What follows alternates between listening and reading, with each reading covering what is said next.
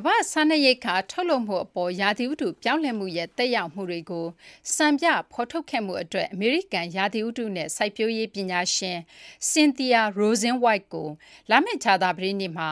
Iowa ပြည်နယ် Des Moines ကအခမ်းအနားမှာ World Food Prize ကမ္ဘာ့စားနပ်ရိက္ခာဆုချီးမြှင့်မှာဖြစ်ပါတယ်။ Rosenwald ကိုဒီနှစ်အတွက်ပညာရှင်အဖြစ်ရွေးချယ်ကြောင်း ဖောင်ဒေးရှင်းက မေလအတွင်းမှာ ကြေညာခဲ့တာပါ။ဆုနဲ့ ဒေါ်လာ ၂ သိန်းခွဲ ချီးမြှင့်မှာ ဖြစ်ပါတယ်။သူမတည်ထောင်တဲ့ စိုက်ပျိုးရေးပုံစံ နှိုင်းယှဉ်မှုနဲ့ တိုးတက်ရေး စီမံကိန်းဟာဆိုရင် နိုင်ငံပေါင်း ၉၀ ကျော်အတွက် ရာသီဥတု ပြောင်းလဲမှုဒဏ် ခံနိုင်ရည် တိုးတက်စေရေး ဆုံးဖြတ်ဆောင်ရွက်မှုတွေမှာ တိုက်ရိုက် အထောက်အကူ ဖြစ်စေခဲ့တယ်လို့လည်း ဖောင်ဒေးရှင်းက ပြောဆိုထားပါတယ်။ကြာသပတေးနေ့ ကျင်းပမယ့် ဆုပေးပွဲ အခမ်းအနား အပါအဝင် ရက်အတော်ကြာ ကျင်းပမယ့် အခမ်းအနားတွေ အတွင်းမှာတော့ Feeding a Fragile World ဆိုတဲ့ခေါင်းစဉ်နဲ့ဆွေးနွေးပွဲတွေနဲ့မိန့်ခွန်းတွေလည်းပါဝင်မှာဖြစ်ပါတယ်။ဦးဆောင်ဆွေးနွေးမယ့်သူတွေထဲမှာယူကရိန်းကလယ်သမား Guy Huizenga လည်းပါဝင်မှာဖြစ်ပါတယ်။